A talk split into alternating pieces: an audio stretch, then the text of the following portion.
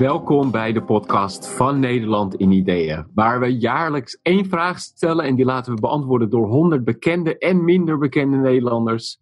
Maar natuurlijk wel altijd hele slimme en interessante Nederlanders die ook iets te zeggen hebben, ook iets echt te zeggen hebben. En uh, voor deze laatste editie uh, werd die vraag geformuleerd door uh, Anton Corbijn. En zijn vraag luidde: Waar verzet jij je tegen? En in elke aflevering hebben we tot nu toe van deze podcast hebben we drie antwoorden besproken. En dat gaan we vandaag weer doen. En Nederland in Ideeën en deze podcast worden gemaakt door mijzelf, Tim van Opijnen, altijd live vanuit Boston. En daarnaast hebben we natuurlijk ook mijn goede vrienden aan de andere kant van de oceaan, namelijk aan de andere kant zit Mark Geels, eh, medeoprichter van Nederland in Ideeën. En tussen jullie in, maar toch een stuk dichter bij Mark dan bij Tim, zit Sander Ruijs in Rijwetering. En ik wil nog wel even zeggen, de, de titel, dus de vraag was, waar verzet je je? Maar wat we niet vaak gezegd hebben, is dat er ook een onder, eigenlijk een soort subvraag is. En, en die subvraag is, en hoe gebruik je die energie om um, jouw wereld of jouw omgeving een stukje beter te maken. Dat, ja. Uh, dat is de subvraag ook. Van, ja, dat is leuk om dat te halen. En, en uh, misschien daar op, in aanvulling daarop, want waar uh, Anton Corbijn liet zich inspireren door Johnny Rotten, um, de zanger van de Sex Pistols. En um, die had namelijk als motto, of heeft als motto, anger is an energy. Um, en, en, daarvan maakt uh, Anton dus, uh, hè, dat, waar verzet jij je tegen en hoe geeft jou dat energie? Soort van. We gaan beginnen. We gaan beginnen. Hadden we al verteld wie er vandaag in de uitzending zaten? Zeker niet. Nee. Um, dat zijn uh, professor Petra Sijpenstein, um, advocaat Steven Schuit. En, en professor. Ook een professor. En is de laatste ook een professor? We hebben de professor bingo. Nee. Nee? Oh, nee. Oeps. Nee, uh, dat, dat, dat, dat, zoeken we even. Dat, dat, zoeken we nog even na, maar dat is uh, uh, Martijn Manders, onderwaterarcheoloog. We beginnen vandaag met Petra Sijpenstein. Petra Sijpenstein werkt aan de Leidse Universiteit. Zij is hoogleraar Arabisch. Haar onderzoek richt zich op de reconstructie van het dagelijks leven van moslims en niet-moslims in de begintijd van de islam. En dat doet zij op basis van weinig gebruikte bronnen uit die tijd, namelijk papyri, papyrus. Um, dat doet ze uh, met goed gevolg, veel goede beurzen, et cetera, et cetera. Um, haar titel van het stuk heet Alle moslims gooien bommen. Petra, het is aan jou. Ik ben Petra Sijpenstein en ik verzet me tegen het idee dat alle moslims bommen gooien. Bij de Dies Natalis van de Universiteit Leiden las ik dit jaar een Arabisch gedicht voor. Ik had een paar regels van de 9e eeuwse Iraakse dichter Ibn al-Rumi gekozen, waarin hij de in die tijd hoog oplopende strijd tussen het leger en het bestuur behandelde. Een van de regels luidt, vrij vertaald: Het zwaard waar iedereen bang voor is, kan niets uithalen zonder dat de pen ertoe opdracht geeft. Met andere woorden, het bestuur en niet het leger heeft het laatste woord over de inzet van geweld. Hoewel iedereen vol lof was over de keuze van de universiteit om juist nu Arabische gedichten voor te dragen, waren veel mensen verontwaardigd over de thematiek van het gedicht. Het ging hier immers, in hun ogen, om het zoveelste voorbeeld waaruit blijkt dat de Koran, namelijk de pen, geweld, het zwaard, legitimeert, of erger nog, er opdracht toe geeft. Wilde de Leidse Universiteit zich daar tijdens haar verjaardag wel mee associëren? De interpretatie van mijn verontwaardigde publiek vind ik buitengewoon ver gezocht. Er wordt immers gemakshalve van uitgegaan dat de pen in een islamitische context automatisch het woord van God is. Als ik naar het publieke debat kijk, had ik me daar misschien minder over hoeven te verbazen. Wanneer het gaat om moslims en hun gedragingen, is de volgende observatie wijdverbreid. Moslims laten zich uitsluitend leiden door hun geloof. Dat geloof staat beschreven in de Koran en de Koran is gewelddadig. Maar deze redenering is verkeerd om twee redenen. De meeste moslims, ook beleidende moslims, laten zich in hun gedrag niet zonder meer leiden door de letterlijke tekst van de Koran. Daarnaast breekt de eenzijdige zwart-wit interpretatie, uitsluitend gebaseerd op de Koran en islamitisch recht, die nu dominant lijkt onder moslims, met een eeuwenoude traditie van pluriformiteit. De tekst van de Koran biedt op directe vragen over het dagelijks leven anno 2017 weinig concrete antwoorden. Het is dan ook niet voor niets dat islamitische geleerden zich al meer dan 1500 jaar lang bezighouden met het her- en interpreteren en becommentariëren van de Koran. Ook vandaag laat een willekeurige islamitische vraag- en antwoord website zien hoeveel vragen de tekst van de Koran oproept en onbeantwoord laat. En ik heb het dan niet alleen over vragen uit het dagelijks leven die in de zevende eeuw nog niet aan de orde waren. Mag ik de Koran op mijn mobiele telefoon lezen? Is stamceltherapie toegestaan? Is een hypotheek een geoorloofde financiële constructie om een huis te kopen? Het gaat ook over kwesties die al eeuwenlang volgens beproefde methoden steeds opnieuw gewogen worden op basis van de Koran, de uitspraken en daden van de profeet Mohammed, maar ook, en dit is belangrijk, op grond van de lokale context en zelfstandige interpretatie. Kwesties waarmee moslims zich ook in de 21ste eeuw wenden tot autoriteiten op internet, in en rond de moskee of in het theehuis. Vervangen belastingen betaald aan een politieke overheid mijn plicht aalmoezen te geven? Hoe ga ik om met andersdenkenden? Die autoriteiten komen trouwens ook al eeuwenlang met uiteenlopende antwoorden. En als het antwoord niet bevalt, kan een moslim iemand anders die hij gezag toekent raadplegen. Al snel na de dood van Mohammed, die elke kwestie met zijn wetgevende voorbeeld kon oplossen, raakte men in de islamitische wereld overtuigd van het adagium agree to disagree. Dit consensusmodel werd niet alleen vastgelegd in de verschillende rechtsscholen die de islam kent, maar is ook een onderliggende aanname die de geleerden toen en nu als een wezenlijk kenmerk van de islam beschouwen.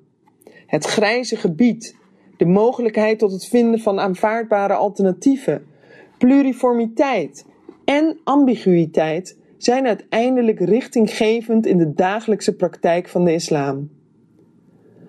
Een religie die alle aspecten van het leven betekenis moet geven, moet ook wel de complexiteit van het leven weerspiegelen. Mijn promovendus uit Kuwait besloot na een jaar in Nederland dat het hem te zwaar valt om hier met de lange, lichte zomeravonden Ramadan te vieren. Hij heeft besloten om de vaste maand in zijn thuisland door te brengen. Hanina Ajarai, columnist bij het Algemeen Dagblad, schreef in haar eerste column dat zij niet een hoofddoek draagt omdat ze dat moet van haar geloof of van de Koran, of omdat ze zich vromer voelt dan anderen. Ze draagt hem als een signaal voor haar omgeving. Ik ben moslim. Handig om te weten als je me tijdens de Ramadan koffie aanbiedt. Moslims worden gedreven door dezelfde vreugdes, angsten, ambities, zorgen en pragmatische overwegingen als andere mensen. In een discussie over Nederlandse moslims die naar Syrië reizen om zich bij de Islamitische Staat aan te sluiten, zei iemand uit het publiek: Als u ze zo beschrijft, zijn het net mensen. Natuurlijk zijn wij allemaal mensen. Sommigen van ons menen helaas bommen te moeten gooien en vinden daarvoor legitimering in de Koran, de Bijbel, Marx, nationalisme of een andere ideologie. De meeste van ons verwerpen zulke interpretaties gelukkig. Als, als zoon van een, een heuse theoloog, die uh, op middelbare scholen, 30 jaar uh, levensbeschouwing op middelbare scholen uh, heeft gegeven, werd ik in mijn ja, jeugd vaak meegenomen op, op schoolreisjes. Dus, en die schoolreisjes gingen dan of naar de kerk of naar de, de moskee naar uh, het Joods Historisch Museum. Uh, dus die kan ik uh, dromen. Maar een van ging op schoolreisjes naar de kerk? Nou ja, met mijn, mijn vader, toen ik klein was, dan, dan, ging hij met de klas naar, naar de schoolreisjes, of excursies heette dat eigenlijk. Hè? Oh. En, dan, en, dan, en, dan, en nam hij mij wel eens mee, vrije dag of zo.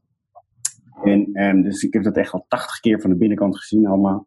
Maar goed, wat ik me ook, daarnaast ook wel goed kan herinneren, is dat dat hij toen al aangaf, althans toen, toen aangaf. En ja, er zitten, er zitten heel veel facetten en, en, en subpopulaties en meerdere kanten aan elke religie. En, um, um, en binnen elke religie heb je gematigden, heb je mensen die stil zijn en heb je conservatieven die, en extremisten, orthodoxen die op de barricade gaan. En um, eigenlijk uh, de rest en ook um, grote delen van de leer en, uh, en, soms ook uh, hele pragmatische filosofische aspecten van, ja, van, van heilige boeken, die soms wel gewoon te gebruiken zijn als filosofische opvattingen, um, dat die ondergesneeuwd raken. Nou goed, we geen excuus zijn, maar ik, ik, ik, kan wel, ik kan wel redelijk met Petra meebewegen. Kunnen jullie dat ook? Ja, ik vind, ik vind, uh, nou ja, ik vind de discussie over islam moeilijk, uh, Mark. En ik, je moet natuurlijk altijd oppassen dat je niet generaliseert. Maar je, ik denk dat je ook moet oppassen dat je niet voor anderen interpreteert hoe jij denkt dat mensen uh, in het leven zijn, staan of wat ze geloven. Weet je, dat, dat zoals waar Peter naar refereert, dat moslims naar Syrië gaan om voor IS te vechten. Uh, dat is wat mij betreft niet goed te praten en komt volgens mij voor een groot gedeelte voort uit geloofsredeneringen die niet van uh, deze tijd zijn. En, en voor mij, volgens mij ook geen plaats meer hebben op deze wereld. En een ander ding waar zij naar refereert, dat, dat moslima's zeggen dat ze graag een hoofddoek, of gezichtsbedekking uh, dragen, omdat dat hun eigen keuze is. Dat waag ik voor, een groot, voor een grote meerderheid ook ten zeerste te betwijfelen. Weet je, er zijn volgens mij heel veel moslims in de wereld die onder regimes of, of, binnen regimes leven, die totaal geen respect hebben voor andere geloven, uh, voor vrouwen, voor minderheden in het algemeen en voor bijvoorbeeld moslims die afstand doen van hun geloof. En daarbij zijn er volgens mij nog, nog iets van twintig landen in de wereld waar officieel nog steeds de doodstraf staat op het afstand doen van um, de islam. En daarna staan er, zijn er uh, nog, nog meer landen waar, waar als je afstand doet van de islam, dat je een boete krijgt of dat je in de gevangenis belandt. Um, zoals ik al zei, generaliseren is nooit goed. Maar je moet, je moet ook oppassen dat je de dingen niet mooier maakt dan dat ze, dan dat ze zijn. Kijk, ik denk, de, Tim, je hebt ongetwijfeld een punt. Uh, maar aan de andere kant zegt Petra juist ook dat je Um, dat, je hebt gewoon een, klein, een, groep extremisten, zoals je overal extremisten hebt. Um, en um, ik denk dat dat totaal niet. Uh, in, in bijvoorbeeld in die landen heb je natuurlijk gewoon enorme machtsconcentraties. van mensen die waarschijnlijk ook gewoon religie gebruiken voor een politieke doeleinden en op allerlei andere manieren machtsspellen spelen. Um, dus uh, ik, ik, ik, ik, vond het een interessant idee, uh, of uh, interessant punt van Petra. Hè? Dus dat, je ziet het natuurlijk veel vaker. ik vind bijvoorbeeld zulke soort acties zoals Not in my name, hè? dat moslims dat soort hashtags gaan gebruiken. Of gewoon eigenlijk alles wat laat zien dat, dat het gewoon een hele heterogene diverse groepen zijn. Die, uh, die, dat zijn denk ik allemaal supergoeie initiatieven. Toch? Om, omdat uh, we gaan het alleen maar beter begrijpen als we, als we begrijpen dat de moslim niet bestaat. Ja, maar ik, ik ben het daar ook, daar ben ik het helemaal mee eens. Maar ik denk dat je ook moet passen dat je, dat, zoals ik al zei, dat je, dat je jouw interpretatie geeft aan hoe uh, moslims hun geloof be beleven ik denk dat als je kijkt naar, naar bijvoorbeeld, om weer naar dat voorbeeld te refereren van het afstand doen van je geloof. Dat Salman Rushdie, die, die een boek schreef over de islam. Dat, wanneer was het in de, nou meerdere boeken geschreven natuurlijk, maar... Um, de duivelsversen. De duivelsversen. Dat hij daarnaast, dat, dat hij daarna um, um, een, hoe heet ja, een, nou? fatwa, een fatwa heet dat. Ja, precies. En een fatwa, fatwa is... verkondigd dat hij, dat hij uh, En dat hij daardoor uh, meer dan, uh, wat is het, 10 of 20 jaar met een extreme beveiliging heeft rond moeten lopen. Ja. Dat hij anders misschien vermoord zou worden. Ja. Hetzelfde geldt voor Ayaan Hirsi Ali, die, in, uh, die, die niet door het leven kan zonder beveiligd te worden. Ja, dat is allemaal, en, dat is allemaal en, waar, Tim. Maar aan de andere kant, kijk, de, wat vorig jaar weer spontaan in de bestsellerlijsten in Amerika verscheen. En wat nu natuurlijk ook een prachtige serie is geworden, is The Handmaid's Tale, hè, een roman mm -hmm. van Margaret Atwood. Die, um, waarin op een super geloofwaardige manier verkend wordt wat er zou gebeuren als de Bible belt of een of andere extreme groepering, christelijke groepering, in, in, een land als Amerika aan de macht zou komen. En ik vind dat zeer geloofwaardig. Volgens mij is het hè, nou ja, dat, dat ze aan de macht komen is natuurlijk niet zo heel erg in de lijn der verwachtingen.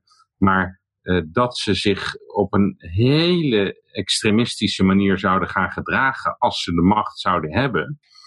Ik weet niet of, of, of zij dan zo heel anders, het eindresultaat zo heel anders zou zijn dan, dan de islam. Ja, maar ondertussen is dat natuurlijk niet zo. En ondertussen hebben we geen land in de wereld, of kan ik me niet zo goed een land uh, uh, bedenken in de wereld waar. Um, kijk, ik, ik ben zelf atheïst en, en ik, ik ben helemaal niet gelovig. En, en ik denk dat dat ook misschien wel de beste oplossing zou zijn voor iedereen in de wereld.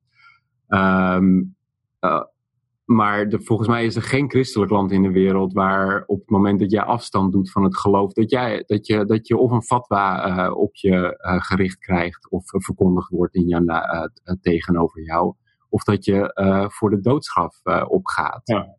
Ja, als niet-wetenschapper moet ik heel even je een wetenschappelijk mantra toegooien. Namelijk, correlatie is geen causatie, toch?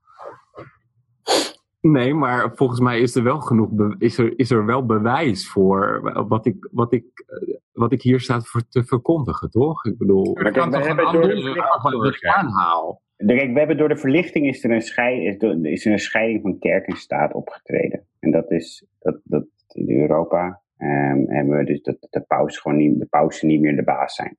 Daarnaast zie je wel dat bijvoorbeeld in de Verenigde Staten um, kan een president kan niet, niet gelovig zijn. Snap je? Het is onbestaanbaar dat, mm -hmm. dat die, de, die, moet voor, die moet laten zien dat hij naar de kerk gaat. Die moet uh, ja. ook altijd uh, en God bless, uh, God bless America zeggen bij het einde van elke, elke speech. Ja. Dus ja. het is daar, het, het, je hebt gelijk, je wordt, je wordt niet op de electric chair gezet als je zegt van jongens, um, Darwin is mijn, mijn, uh, mijn leider, om het zo maar te zeggen.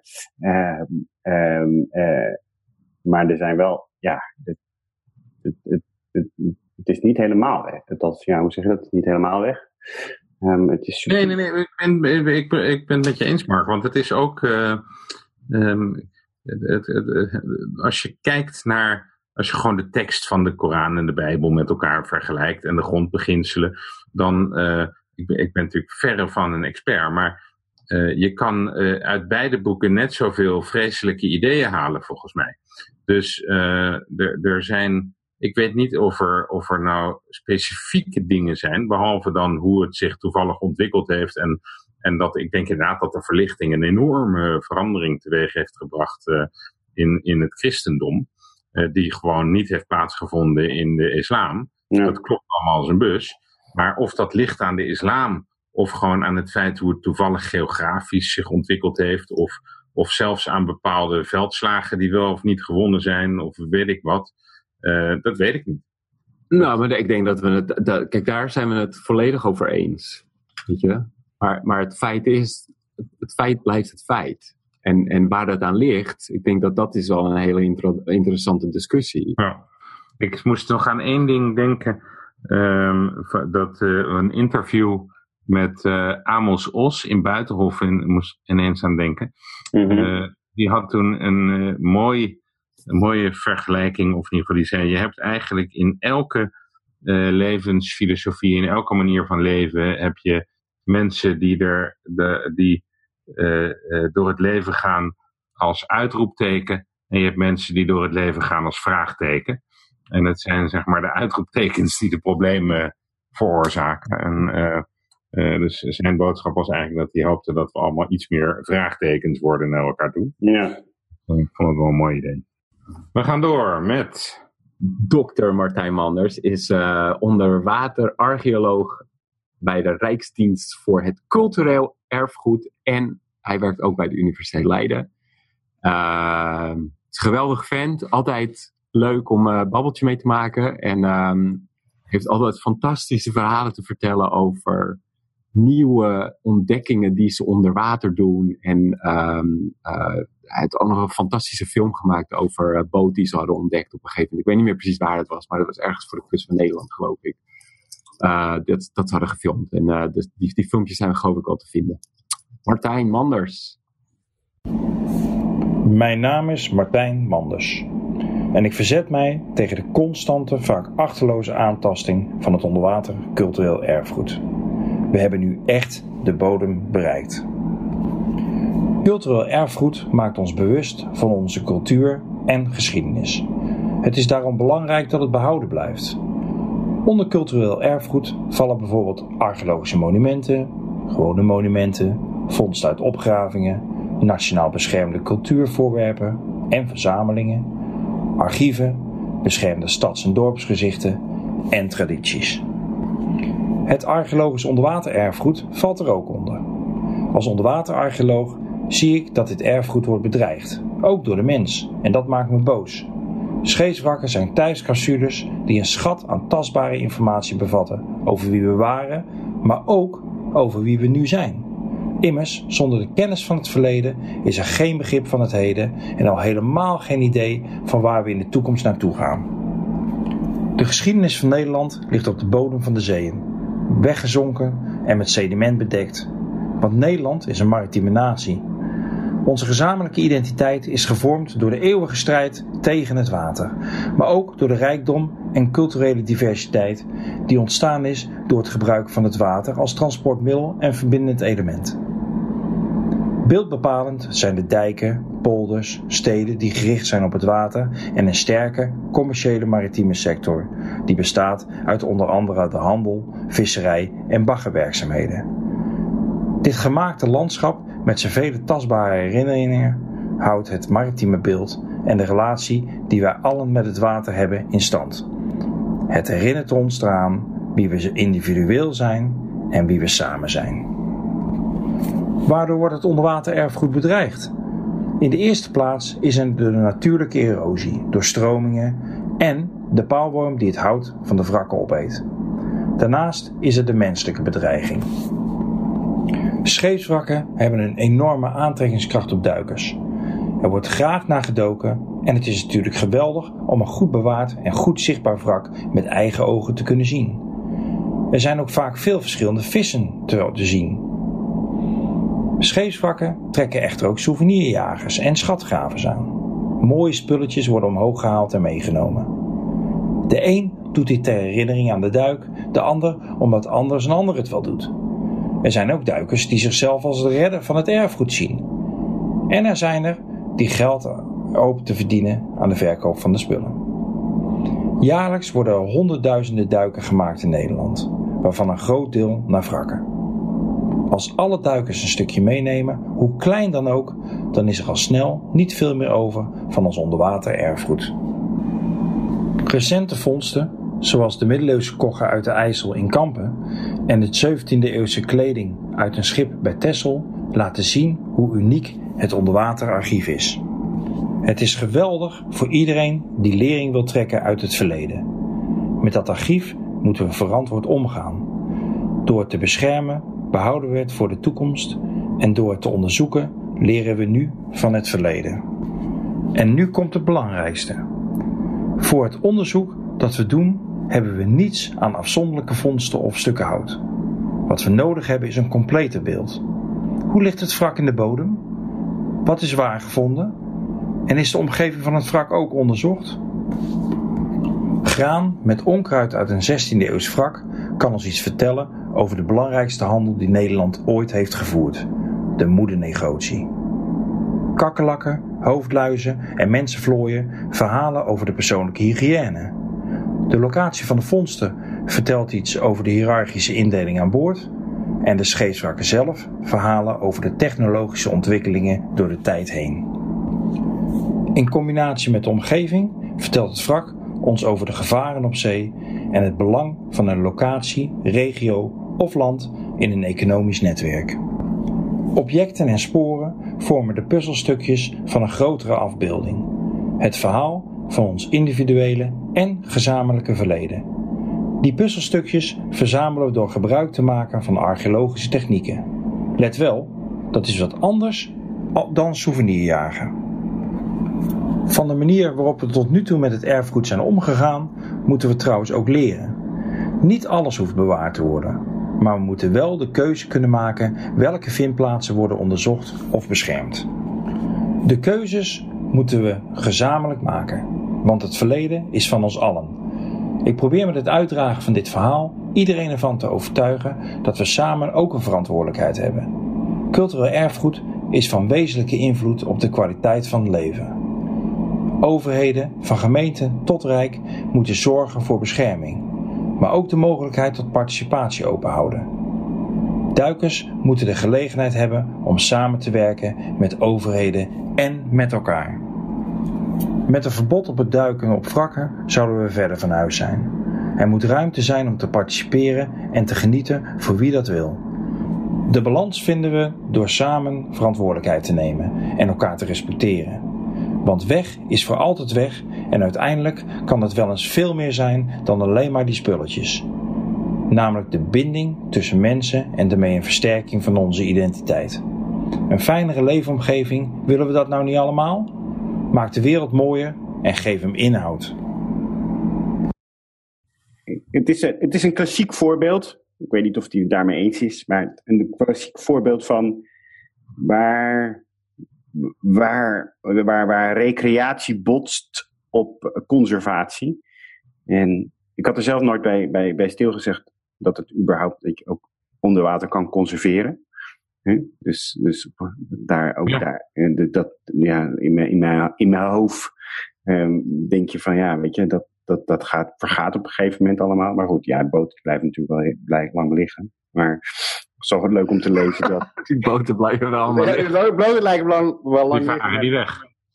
Maar dat is ook... Um, ja, kleine beestjes en, en, en andere uh, details uh, wat kunnen vertellen over um, uh, het leven aan boord van deze schepen en waar ze naartoe gingen en zo. Um, maar je, je ziet het ook bijvoorbeeld in, in grote natuurparken, noem het in bijvoorbeeld ja, de, de duinen, waar ook massarecreatie in de laatste paar decades veel groter geworden is. En um, ja, Veluwe of misschien een andere nationale park in Europa of elders, Great Barrier Reef. Ja. Uh, dat, ja, waar, hoe zorg je ervoor dat um, recreatie voor, voor mensen blijft bestaan? Um, want dat is toch wat we willen. en, nou ja, er is toch een soort verhouding, lijkt mij, ja. tussen het feit dat uh, voor, voor uh, heel veel wetenschap uh, is het, waarom vinden ze het zo belangrijk om, om, om uit te dragen waar je mee bezig bent? Omdat je soort van je bestaansrecht ook ontleent aan het feit dat, het, dat, dat mensen ook, dat, dat ook het brede publiek meeleeft en erin gelooft dat het goed is om te investeren en al dat soort dingen. En dat krijg je weer door ze toe te laten bij waar, waar, je naar aan het onderzoeken bent. Hè? Ja. Dus, ik heb trouwens nooit geweten, überhaupt nooit stilgestaan bij het feit dat er uh, heel veel kennelijk onderwater erfgoed is in Nederland. Ik krijg echt meteen zin om, uh, om onderwatertoerist uh, te worden. ik bereik die tegenovergestelde. Ja. Maar uh, ja, ik, ik vraag me echt af hoe, hoe, of dat aan mij ligt en of er echt zoiets is als uh, onderwatertoerisme. En dat mensen gewoon wrakken, dat ze, dat ze een grote kaart hebben van Nederland waar alle wrakken op liggen en ze dan één voor één afwerken en dat soort dingen. Mm -hmm. Dat, uh, maar super, super interessant. Ja, ik weet wel. Ga je je duikdiploma halen nou? Ja, denk het wel. Ja, je schijnt in de, weet nou, in de, in wat is het nou, de Wester- of de Oosterschelde, schijn je echt fantastisch te kunnen duiken. Hè? Met, met waar ook best helder water is en waar je ook echt, ja.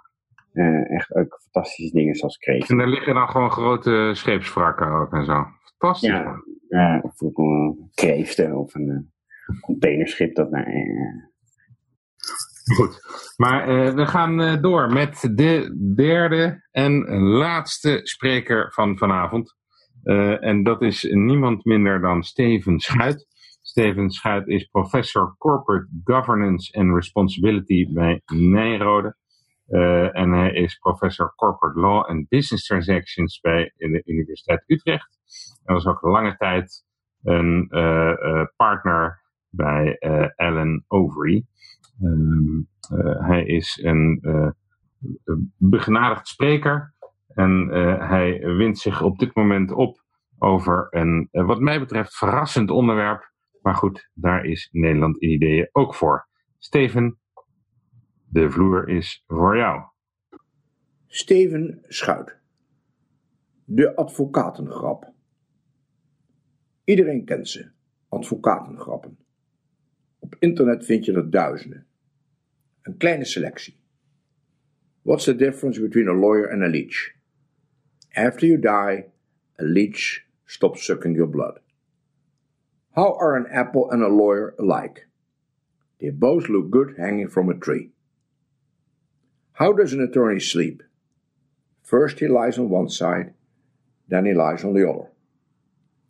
What's the difference between a lawyer and a prostitute? A prostitute will stop screwing You When You're Dead. Leuk? Geheel niet. Stom vervelend. Grappen zouden allereerst geestig moeten zijn, verheffend. En zo mogelijk ook moeten dwingen tot nadenken. Zulke grappen bestaan en geven veel plezier en soms ook een traan. Plotte grappen lijken misschien geestig bij dronkenschap, maar daar zo zijn ze het natuurlijk nog niet. Veel goede en slechte grappen zijn een verkapte manier om uiting te geven aan een gevoel van eigen superioriteit.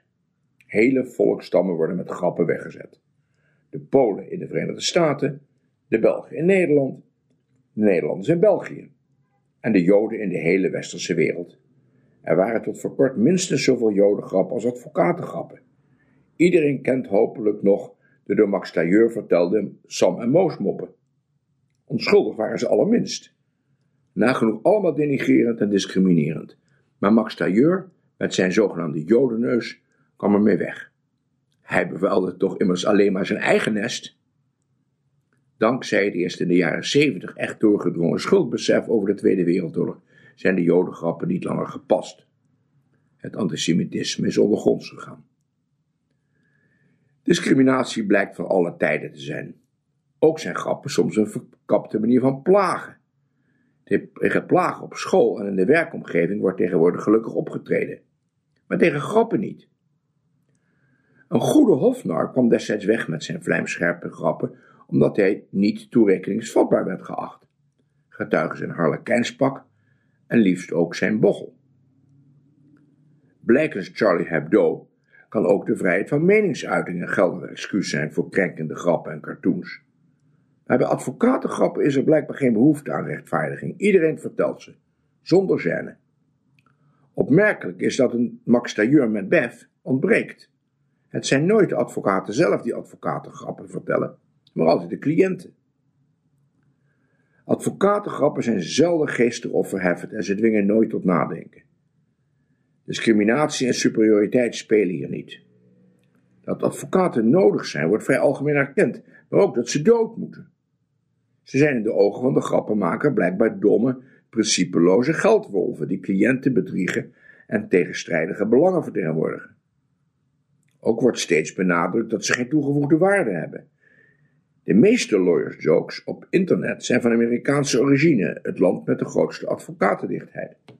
Maar ook in Nederland en elders in de wereld worden vergelijkbare grappen over advocaten verteld. Waarom toch? Er bestaan inderdaad advocaten die vervoerlijke dingen doen. Maar dat komt niet veel voor. Niettemin vermoed ik dat cliënten denken dat advocaten hired guns zijn en alles doen wat je ze vraagt. Ook dingen die de cliënten zelf niet durven of zelfs niet willen weten. Het venijn zit niet in de onwetendheid over de advocatuur, want die onwetendheid bestaat ook op geschoten schaal omtrent bijvoorbeeld het medische beroep. En artsengrappen komen haast niet voor.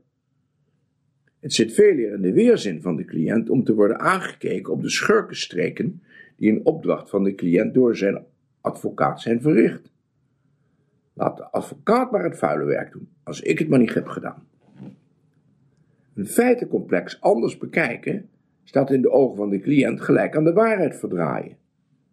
Beslag leggen doet een ander pijn en daar kijk je als cliënt liever van weg. Het verschil tussen civiele zaken en strafzaken is voor velen veel te subtiel. Dus is elk advocaat gelijk aan een junior Bram Moskowitz. Onderhandelen staat gelijk aan bedriegen, want een win-win uitkomst wordt vaak niet begrepen. De cliënt vermoedt dat de sluwheid van de advocaat ook recht evenredig oploopt met het bedrag dat betaald moet worden. Advocatengrappen zeggen veel over de angsten die de cliënt doormaakt over de toerekening van de daden van zijn advocaat aan hem. In de advocaat herkent hij zijn eigen gemeenheid, zijn onderliggende agressie. Hij weet het, maar hij wil het niet weten. Hij zoekt verweer tegen die toerekening, neemt afstand, kijkt weg. Het geweten wordt gesust met de verwijzing naar de ingevuurde beul, de advocaat van kwade zaken. De grappen over hem geven blijk van de morele afstand die deze beul verdient. Arme cliënten. Ik vond, ik vond dit een. Eh, ik, ik heb het, eh, moest even een, uh, erover nadenken wat nou wat precies de boodschap is. Tenminste, er is een. het is natuurlijk heel duidelijk waar het over gaat, maar ook wat de onderliggende boodschap is. En um,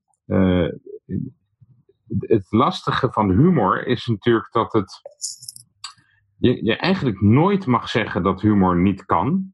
Omdat het een soort, uh, dan klimt iedereen uh, meteen in de hoogste boom. Uh, waar ik het mee eens ben, omdat humor natuurlijk toch een soort vrijplaats moet zijn om, om te experimenteren en om dingen aan het licht te brengen die niet aan het licht gebracht kunnen worden, normaal gesproken. het vervult een enorm belangrijke rol in onze samenleving, vind ik. en gewoon in ieders leven. dus don't touch the humor. Eh, en aan de andere kant ehm, eh, is, zie ik heel duidelijk dat humor natuurlijk een soort eh, dekmantel is voor heel veel nare andere intenties en motivaties en boodschappen. van dingen die eigenlijk helemaal niet grappig zijn, maar dan zeggen ze gewoon grapje erachter. Of doen alsof het grappig is. En, en dan zou het zogenaamd ook moeten kunnen. Dus het is, uh, en waar die grens ligt, dat is best een lastig spanningsveld altijd. Ik denk dat we dat, uh, individueel voelen we natuurlijk een soort duidelijke grens, maar in hoeverre dat is dat wij het gewoon niet grappig vinden, of dat, hè, want die grens wordt waarschijnlijk weer totaal anders beleefd door iemand van alt-right. En die, die vindt misschien bepaalde linkse grappen weer helemaal niet kunnen of niet grappig. Dus um, ja, dat is een lastig, uh, lastig spanningsveld. Ik dacht dat het erover ging dat advocaten geen gevoel van humor hadden. Ja, bij, bij, bij, ons in de familie is, de, is, de, is het adagio in zwang altijd... in ieder geintje zit een seintje. Ja. In ieder geintje zit een pijntje. En um, uh, dat, dat, is, dat, is wel, dat is wel ja, ik vind daar dat er wel een waarheid in zit. Nou, dus je vindt ook dat in deze grapjes die Steven Schuit dus blijkbaar, dat daar een, uh, dat daar een, uh, dat daar een zaadje van waarheid in zit. Ja. Nou, dat zegt Steven natuurlijk zelf ook, hè? want ja. uh, dat is namelijk die waarheid van het feit dat ze zich proberen te distancieren van, van de, de, de, hun eigen slechte intenties, als het ware. Hè? Mm -hmm. Dat is in ieder geval in de lezing van Steven ja. Kijk, en het is ook hier is het weer het geval dat een kleine groep uh, de grotere groep, uh, een kleine, ja, kleine groep rotte appels, uh, ik noem een, hoe heet het nou, die, die, die law firm uit Panama van de Panama Papers, Fonseca, nog wat, wat was het nou? Ja. Die, die al die belastingparadijzen, constructies en zo, ehm, en al de, ehm, ja, georganiseerd hebben en, en gewoon uit, de uitvoering aangegeven hebben. Um, ja, ja, Dat, dat, dat zijn wel echt dingen die gaan de wereld rond en dat, dat legt een smet op een hele beroepsgroep. En dat is wel echt heel erg vervelend. En terwijl er echt heel veel goede juristen, um, en niet alleen voor rechtbanken, maar ook in bedrijven, uh, um, gemeentes, uh, overheden, overal zitten, zitten, zitten juristen. Ja, het is natuurlijk in zekere zin gewoon het hele fundament van onze samenleving. Precies. De rechtsstaat. Dus, uh, dus daar, ik kan me voorstellen dat je het vervelend vindt als, uh, uh, als hè, het is de rechtsstaat en, en de mensen die daarvoor geleerd hebben en zich daar elke dag voor inspannen worden de hele tijd weggezet als criminelen en graaiers en weet ik wat. En, en ja, dus dat is een mooie vergelijking inderdaad met uh, onze eerste spreker van vanavond, Petra. Het, ik, hoorde, er was een, uh, ik hoorde een leuke, uh, volgens mij was het in een podcast van This American Life van de week, hoorde ik een stukje over advocaten die, um, hoe heet het nou, bij scheiding um, bemiddelen. Mhm. En het, wat ik wel grappig vond is, eh, weet, je, voor een gedeelte komt volgens mij die beeldvorming natuurlijk ook van dat er zo ontzettend gevochten wordt tussen twee kampen altijd wanneer er een rechtszaak is. bij, bij, een scheiding is het natuurlijk als, als beide, als beide uh, uh, man en vrouw, beide partners een uh, eigen advocaat hebben, dan, dan wordt er kijk, ik heb daar geen ervaring mee, maar volgens mij wordt er dan gevochten tot uh, wie, zeg maar de beste um, uitkomst, om, om, om zeg maar de beste uitkomst voor een van de mensen te krijgen. Hè, dat, is, dat is het doel van, van de advocaat. En, en, op dat, en op dat opzicht, en in dat opzicht kan de, uh, die, de incentives, zeg maar, liggen dan misschien wel een klein beetje verkeerd. Want als er kinderen in het spel zijn, weet je, die, die kunnen dan de dupe worden of rechtszaken worden enorm. Weet je, ik herhaal nu een beetje wat ik geleerd heb van die podcast. Uh, uh, dat, dat de incentives liggen en dat, dat zo'n rechtszaak ellenlang kan wel worden, worden, worden, worden voortgetrokken. Dat het kan uh, heel lang duren. En op een gegeven moment is er een, een groepje advocaten gekomen, of, of een of andere advocaat gekomen, die heeft um, de New York Association of Collaborative Professionals opgericht. En het, en het doel van, van een, en dat is specifiek gericht op scheiden. Hmm. Ik weet niet, misschien bestaat dat in Nederland ook wel. En misschien loopt Nederland daar wel heel erg in voor. Maar dit was voor mij voor het eerst dat ik ervan hoorde. En, en nu hebben ook beide kampen hebben dan een advocaat. Maar het doel is zeg maar om niet uh, de rechtszaak, om, niet, om er niet een rechtszaak van te maken. Maar dat ze er samen uitkomen. En op het moment dat ze. En, en beide kampen kunnen op elk moment eruit stappen en het tot een rechtszaak dwingen.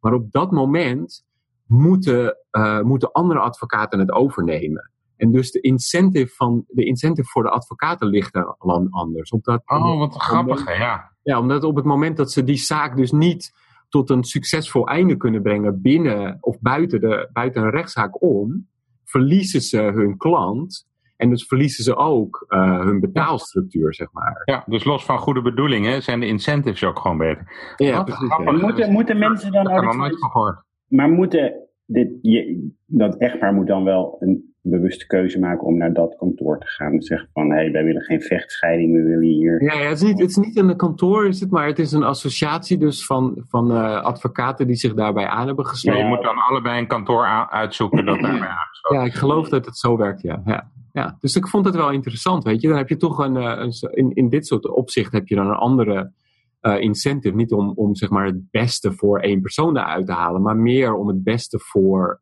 zeg maar de, eigenlijk de hele groep mensen. Dus als het om twee mensen gaat en ook nog kinderen, dan wordt een optimale, geprobeerd om een optimale oplossing te vinden. Super interessant. En voordat je, voordat je echt slaande ruzie hebt, kun je prima nog uh, besluiten om samen dat uh, een, een advocaat uit zo'n associatie uh, allebei te nemen. Ja, wat, wat ook wel, wat wel leuk was, dat, eh, dat één, hij gaf, die man die gaf één voorbeeld, is dat het, hem, dat het zelfs één keer is voorgekomen dat, dat, het, dat het koppel weer bij elkaar is gekomen. Dat ze eindelijk, ja, dat is toch leuk hè? Ja. En omdat ze eindelijk, omdat in deze structuur, zeg maar, ze eindelijk gedwongen worden, werden om, om weer naar elkaar te luisteren en met elkaar te praten. En dat was, bleek een van de problemen te zijn. En, oh, ja, ja, ja. Ja. Happy end. Nou, mooi, nou, mooie happy ending voor, voor, deze podcast. Maar de echte happy, happy end komt. nou, Mark, take it away. Ja, precies. Komt uh, bij de laatste podcast, volgende, volgende keer.